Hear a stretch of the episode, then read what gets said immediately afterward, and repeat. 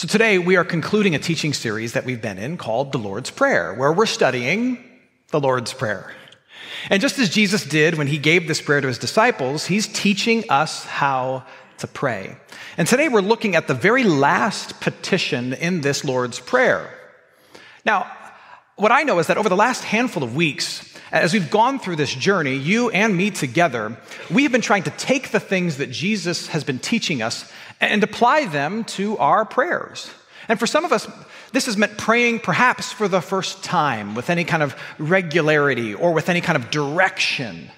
And, and I know from talking to you that you've been praying through some very important things.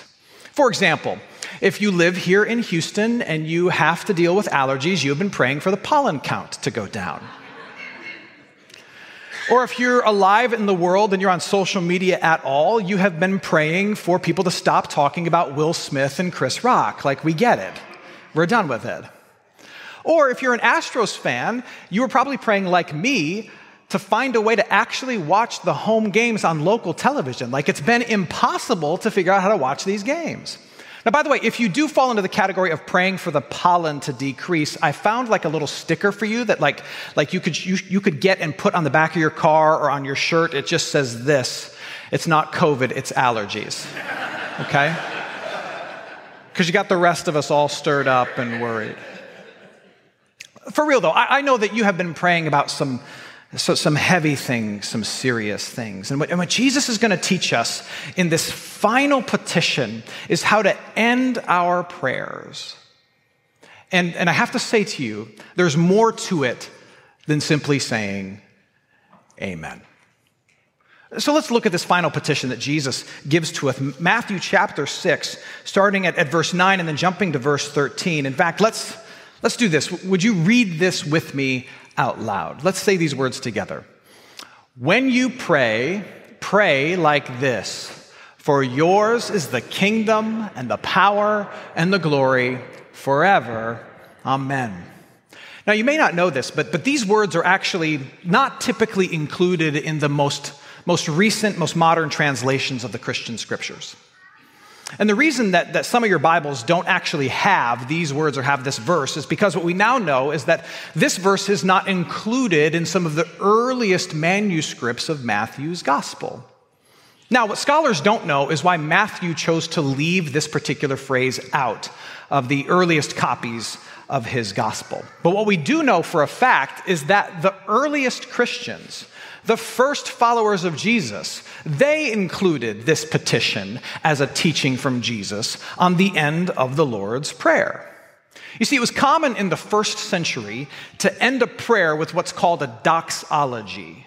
Doxology simply means good words or praise words. And that's what these are. These are words of praise to God to close out this teaching on prayer.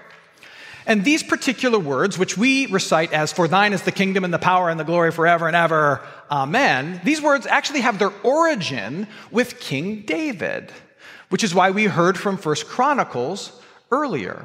So, what followers of Jesus have been reciting for 2,000 years at the end of the Lord's teaching on prayer is, For thine is the kingdom and the power and the glory forever and ever, amen. Listen again, knowing that, listen again to what King David is saying in First Chronicles. Now, a little bit of context. King David is dying, and he knows it. And he wants to hand over the kingdom to his son, Solomon. But before he does, he wants to fulfill a dream, fulfill a promise, you could say. He wants to build a temple. He wants to build a house for the Lord, a place of worship for God's people, rather than a really ornate tent, which they'd had forever. He wants a physical building for God's people and for God's presence. And so he says, We're going to do this and we're going to start it before I die. And so he gathers together all of God's people. We're talking hundreds of thousands of people for a giant worship service. It's like an Old Testament version of like Bonnaroo or Coachella or Burning Man or something like that. He gets all of them together, thousands and thousands of people, for this celebration and worship service. And into the middle of it steps old King David. And he he offers up all of this treasure. He offers up gold and silver and bronze, and he hands it over to God.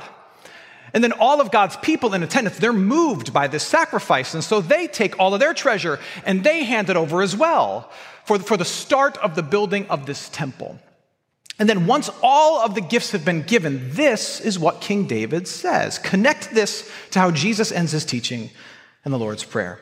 1 Chronicles 29. Blessed are you, O Lord, the God of Israel, our Father, forever and ever. Yours, O Lord, is the greatness and the power and the glory and the victory and the majesty. For all that is in the heavens and in the earth is yours. Yours, you could say, thine is the kingdom, O Lord, and you are exalted as head above all. Both riches and honor come from you, and you rule over all. In your hand are power and might, and in your hand it is to make great and to give strength to all. And now we thank you, O, we thank you, our God, and praise your glorious name. Here's what David is saying. David is saying, You know what we want, Lord. We want to build a temple. And we know what is needed. You need our treasure. And so we take our treasure and we hand it to you. But here's what else David is saying we recognize that this is your kingdom, that you get all the glory, you deserve all the praise. And therefore, we recognize this has to be your temple. And so, even though we've told you what we want and we've offered up our treasure, we are ultimately conceding that this is about your glory. This must be done by your power. It needs to be accomplished as you see fit in your ways, according to your plans, according to your purposes. And everything that we give to you, we lay it at your feet. And ultimately, we say what Jesus said at the start of this prayer Not my will be done, but thy will be done. And so, of course, it makes sense that Jesus, knowing this prayer, would summarize this prayer of David and tack it on the end to his teaching on prayer. Because think of what we're doing when we're praying. When we are praying, we're telling God what we want, we're telling Him what we'd like to build, so to speak. Here's what I want, Lord. And, and then we offer Him these treasures. Uh, the treasures that we have, that we hold and we keep, are our wants, our needs, our hurts, and our pains, and we hand them to Him. But what we must also do is submit them to Him. Not just hand them to Him, but say, ultimately, this is about your power and your kingdom and, and your glory, and, and you know what I want, and here's my treasure, but I want you to build with what I've given you what you think is best what you think is best. For yours is the kingdom and the power and the glory. I believe, God, that by handing you my treasure of my wants, my worries, my hurts, my hangups, and my needs, that you can build something better with it in your hands than by just leaving it in mine. That's what it means. Now, I'll be the first to admit to you that this attitude of trust doesn't come easy. It's one thing to say to God, do your thing. I trust you. Do whatever you want with the prayer that I've just lifted up to you. When, when your prayer is for something kind of superficial, like for Him to part the traffic on I 10 when you're running late. Do your thing, God. It's another to be that trusting when what you're praying for is the survival of your marriage, the emotional and mental well being of your child the trajectory of your career. Suddenly it gets a little more difficult to say, it's your kingdom, it's your power, it's for your glory forever and ever. This is my treasure. You've heard my request, but do what you think is best. Now it's hard. And what we're reminded of is that prayer, prayer is a profound act of submission and humility. Because you're taking the things that you desperately want and need, and you're handing them to a God that you believe is good. And you're not simply saying, Give me what I want. You're saying, You know what I want but I submit what I want to your will. That's hard. I remember when uh, my firstborn was just a baby, and it was bath time. And on this particular occasion, my wife asked me to take care of bath time. And that was typically like Lisa's realm. She did all the bath time stuff, but for whatever reason, she asked me to do it. And my first thought was, I got this. I love my kid. I'm comfortable with the water. I can make this happen. Apparently, my wife did not have the same belief in me, though she asked me to do this, because suddenly, though she needed me to do this every five seconds, she was free to just pop her head in and go, How you guys doing in there? You doing good? Need any help? And what I discovered from her input was that it's not that I was, it's not that I was doing a bad job giving the bath, I was just doing it wrong. And I realized, you know, we had a lot at stake in this one particular bath night, you know. If the kid doesn't get properly clean and then, you know, the next day is all grungy and goes to a play date, the other parents might notice, they might start to talk. They might question our parenting. CPS might get involved. The child gets taken away from us, grows up without its parents. We're reunited one day on a very special episode of The Steve Harvey Show where she confronts us for abandoning her and talks about how she's been relinquished to a life in the circus, and it's really bad. I realize there's a lot at stake in this particular bath time. I couldn't be trusted with it. Now, here, here's what I know. Here's what I know that, that very often we do the same thing with our prayers to God. It's one thing to hand something to God, it's another thing to let Him own it. It was one thing to ask me to bathe our precious newborn, it was another to let me own it and to trust me to not only do it right, but to trust that the way I wanted to do it was right. It's one thing to hand something that you care about to somebody else. It's another to let them own it completely. And so, very often, what happens is we'll have these earnest prayers like, Lord, if you're there, please do this, please allow for this, please fix this, change this, heal this. We'll hand it to Him and we'll put it in His lap. And then we'll come running back and say, You know what? You know what? Uh, if you're not going to answer it like this, then I'd rather just have it right back. We go running to the bathwater and go, You good in there? You got it? Because I, I just want to make sure you know how to do it the right way, meaning my way, meaning the only way. You good? That's so often what we do. You know, the hardest part of asking things of God, when you understand how Jesus wants us to end this prayer, the hardest part of, of asking things of God is not asking things of God, but leaving things with God. Hardest part isn't asking, but leaving. Because we want to run back and put it back in our hands. And what these final words, for yours is the kingdom and the power and the glory forever and ever, amen, what they're meant to do is reset me as a person of faith. As I pray my prayer, they're meant to reorient me to the truth that God will answer my prayers. He will answer my prayers according, according to the plans of his kingdom. And for some of us, that can be a really hard truth to wrap our minds around. God will answer my prayers according to the plans of his kingdom. Because after all, what we see is that it's all about God's kingdom. This whole human experiment, the, the, the, whole story of it, your life, my life, all of it. It's all about God's plans, God's purposes, God's will, God's ways, His presence, His power, His love, His mercy and grace being made known. That's the center and the subject of the story. He's the director, He's the lead character too. We're all just players in it. It's His kingdom, it's about His power and His glory, His love and mercy in Jesus Christ being made known. That's the whole thing.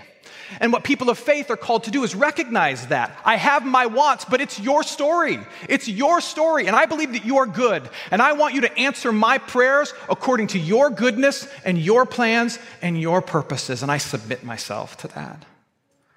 And again, that's so difficult for us to do because though we might know that intellectually, it's so hard for us to believe it and live it out. It's easy for me in my mind to go, yep, God, ultimately, it's all about you and you're good. And, and I know that you're going to answer my prayer in a way that allows your kingdom to come. You're going to answer my prayer in a way that makes your glory and your power and your goodness and your plans known. I got that. But it grates up against my desire to be the king of my own life and my own world and of my own story. And I know that I'm not alone in that. I want to be king of Matt Popovits's world, and you want to be king of yours. When I walk into work, I want everybody to just pause and go, We're glad you're here. I want all my ideas to be adored and listened to and implemented. You want to know why? Because that means I'm in charge and I'm the king. And then at the end of the day, I want to hop into my car and I want everybody else who's on the road to just pull to the side and put their phones down and just clear the path for me so I can drive home safely scrolling my phone. and if that happens, you know what it means? It means I'm in charge, it means I'm the king. And then when I get to the house, I want to open the door and have someone hand me a pre cooled, pre chilled, already cracked open Diet Pepsi. I want to smell dinner already being made. I want my children to come running to me. One grabs this leg, one grabs this one, and they tell me how great of a dad I am. And I want to look over past them and see that my show that I'm currently streaming on Apple TV is already queued up on the television. If that happens, you know what that means? It means I've walked into the wrong house. That's what it means. but you get what I'm saying. I want to be king and so do you. And yet, what people of faith believe, among many other counterintuitive things, is this counterintuitive truth. What we believe is that life is actually better for us when it bends towards God's will and not mine. Life is actually better for us, and this is so hard to believe when it bends towards the will and the wants, the plans and purposes of His kingdom and not my own. And it's at this point that we have to kind of check our hearts and check our intentions as to why it is we're following Jesus. If you are, in fact, here as a follower of Jesus, it's good for us in, in conversations like this, confronted with truths like this, that it's about His kingdom and not ours, that His will is better than our wants, that our plans have to be submitted to His purposes. It's good for us to just kind of check our pulse and go, why, why do I follow Jesus again? Because very often we, we follow Jesus as a means to our end. We, we truly love him, we worship him, we, we believe in him, but ultimately, what's primary for us are certain things we want from him. Like we don't ever talk about it. There's like this unspoken thing that goes on between us and the divine where we're like, yep, Jesus, it's all about you. I'm here at church on Palm Sunday because I believe in you and worship you, but also because I would like my kids to turn out okay. And I would like my bank account to look a certain way. And I would like age to hit me a certain way. And I would like my marriage to feel a certain way. And if those things don't happen, then I'm never going to articulate this, but here's what I believe. If I don't get those things, I'm going to point the finger at you. Because here's how I actually operate in my faith I believe that you're a means to my end. And what we have to do is be confronted with that truth and recognize that Jesus is not a means to your end. Jesus is the end of all your means. Amen. Jesus is the end himself. His mercy and grace for you is the whole point. His love for you is the whole point. This story that he's writing throughout all human history and all creation that you get to be a part of is the whole point.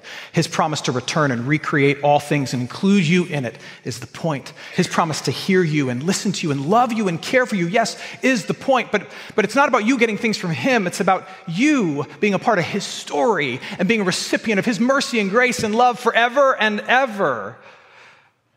Jesus is the end in and of himself. His kingdom, his love, his goodness. It's all about Him. He's the point. And we end our prayers in such a way that we recognize that. Now, Jesus is the point. Will he be good to you? Yes. Will he answer your prayers? Yes. Will he be a good steward of your treasure, of your wants and your worries and your needs, the things you desperately need to be answered in a certain way? Will he be a good steward of those things? Yes, he will. But what we must confess is that he is God and you are not. And so we submit our wants to His wills and our plans to His purposes. Now, you might be following along with me going, Matt, I get it. I don't know about these other people, but I get it.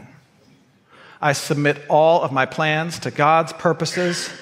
I understand that when I pray, I'm, I'm, taking the treasure of my wants, worries, and needs, and I'm handing it up to Him and saying, Lord, do what you think is best because it's about your kingdom, not mine. I get it. But here's the tough part for me the tough part is waiting for the answer. Even if I've submitted myself to the fact that it's going to be God's answer that serves His kingdom, His will, and His ways, the tough part for me is waiting for the answer. So, what do you do when, as Tom Petty says, waiting is the hardest part? What do you do then? Well, here's what I would say is you're not alone. Waiting for God to answer however he sees fit, is the hardest part for all of us. And, and, what, what people of faith do is when we are waiting and wondering how God will respond, how he'll act, and if it will happen in our day and in our time, when we're waiting for God to respond, what we do is we, we pivot, we, we point ourselves towards the, the demonstrated goodness of God. When we're waiting for him to show his goodness in what is unfinished, the answer to our particular prayer we, we pivot towards and we point towards the goodness that He has demonstrated for us as a way to give us peace and help us to hold on, so that we might believe the words of Romans chapter 8, verse 28 that says this. We know that in all things God works for the good of those who love him, who've been called according to his purpose. We know that in all things, even your thing, God works for the good of those who love him. Do you believe that? Do you believe that God works for the good of those who are loved by him and those who have faith in him and love him? That God will work all things for good? And if you're saying, man, Matt, I want to, but I don't know, my pastoral encouragement for you is to look at, to aim toward the cross of Jesus Christ. Now, I know some of you are thinking, oh, I knew he was going to say that. It always comes back to Jesus. Good, you're paying attention. Yes, it does. You see, so many people think that the cross of Jesus Christ, his, his death for you that forgives you, and his, then his rise out of the grave that we're going to celebrate a week from now on Easter Sunday, that it's like this rear view mirror reality. Like you come to faith and you're confronted with it, and you're like, oh yeah, Jesus died for me. But then it goes behind you, and it's just like it's in the rear view mirror, but you're driving towards other things. It's back here. That's not how people of faith are supposed to live. When we hand our prayer to God, we hand our prayer to God, His intention is for us to always be headed towards, driving towards, moving toward the death and resurrection of Jesus as our focus, as our hope, the thing we hold on to, because that's the thing that helps us make sense of all the crazy things we can't understand. And that's the thing that proves to us while we wait that God is good. Because we look at the cross of Jesus Christ and we say, well, here's what I know God can bring un unknown beauty out of unspeakable tragedy. God can bring good out of bad. God does not work in the ways in which I expect, but He does things and gives gifts that I could not imagine. The cross reminds us of the kind of king that we have in King Jesus, a king who will die for us and rise for us and will take the unexpected and turn it into exactly what we need. And so we drive towards that. We look at that and we hold tight to that.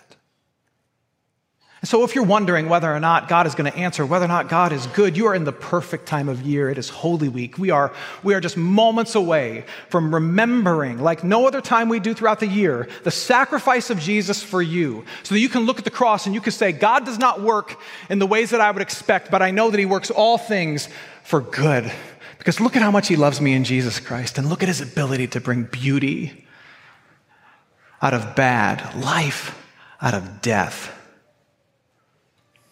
Jesus has taught us many things in this conversation about prayer. Many things. He's taught us that we can bring the little things to him. He's taught us that we should pray about our forgiveness, forgiveness we need to receive and forgiveness that needs to flow from us to others. He's taught us that we should pray in our moments of weakness Lord, protect me from myself and protect me from others. As we've gone through this, I know that some of those things that Jesus has taught us has, has hit you in a profound way. Not so much because of the teaching itself, but because of how that teaching applies to some things that you're carrying and you're worrying about and that you're praying for right now. What are those things? There are relationships that need to be healed. There are bodies that are broken. There are bank accounts that are empty. There is hope that is lost. There are souls that are tired. What is it that you're praying for that you're lifting up right now? And let me ask you do you trust the Lord with it? Can you give it to Him and leave it with Him and say, Lord, answer my prayer in a way that serves your plans and your purposes and your kingdom? Because I trust that you are good.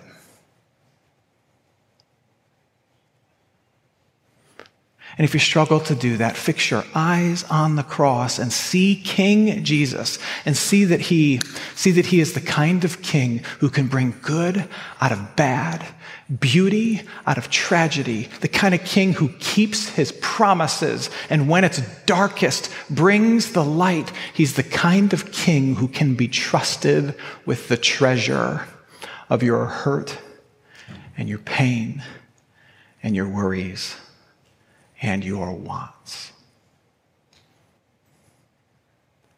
Amen. My friends, we close out this, this sermon time the, the only way we really can when we've been studying the Lord's Prayer, and that's to say the Lord's Prayer. So I invite you to stand.